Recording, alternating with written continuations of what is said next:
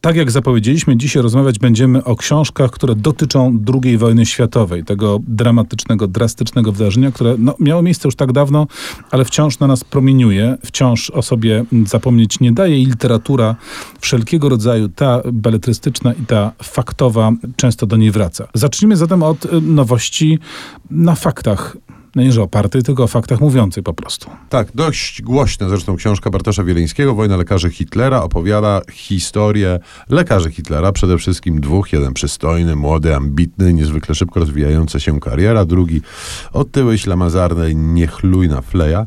Zupełnie inne e, biografie, zupełnie inne podejście do medycyny. Ten grubszy pływał wcześniej na statkach i na tych statkach nauczył się reagować bez pomocy, samodzielnie w sytuacjach dość kryzysowych, dlatego Hitlerowi był pomagał, gdyż jak okazuje się, Hitler był jednym z najtrudniejszych możliwych pacjentów. E, gdy był chory, należało go leczyć, nie mówił dlaczego, a gdy był zdrowy, żadnej prewencji nie uznawał. Nieważne, bo ta książka jest e, znacznie głębsza i poważniejsza niż tylko opowieści o stanie zdrowia mm, Führera. E, ta książka jest o tym, jak zachowywali się lekarze w przededniu II wojny światowej, w trakcie II wojny światowej i książka ta też opowiada o jednej przerażającej operacji, która była takim przedsmakiem Holokaustu, a która doprowadziła do wymordowania kilkudziesięciu tysięcy ludzi umysłowo niestabilnych, ale też na przykład ludzi cierpiących tylko i wyłącznie na epilepsję. To jest e, wstrząsająca e, lektura. Postaci, które mm, się w niej jawią, są tak przerytysowane i tak groteskowe, że tak naprawdę przynależałyby do kart jakiegoś komiksu e, grozy. Niestety wszyscy z nich żyli i wszyscy z nich szkodzili w sposób potworny. Wieliński zrobił kawał wielkiej roboty, docierając do całej masy dokumentów i książek na ten temat popełnionych, ale mam wrażenie, że akurat książek takich w polszczyźnie dotychczas było niewiele, więc Wieliński tu ponad wszelką wątpliwość wypełnia białą plamę. We wrześniu, w tym wrześniu, który trwa aktualnie, ukazała się wielka i wspaniała pod wieloma względami y, nowość. William T.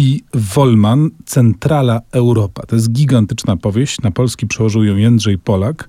Y, no, w swoim oryginalnym kraju, czyli Stanach Zjednoczonych, ukazała się już lat temu tak z 15, jeśli dobrze liczę, i była dużym wydarzeniem. Dostała ważną nagrodę.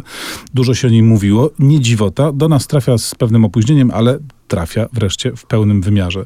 Trudno jest właściwie o tej opowieści y, skutecznie opowiedzieć w tak y, małym czasie, jakim dysponujemy, bo to jest gigantyczna, taki gigantyczny fresk powieściowy, w którym łączą się najróżniejsze postaci. To oczywiście jest mocno oparte, nawiązujące do rzeczywistości, do faktów, do autentycznych postaci. Cała plejada znanych postaci z historii, ale też świata kultury, sztuki przewija się przez tę książkę.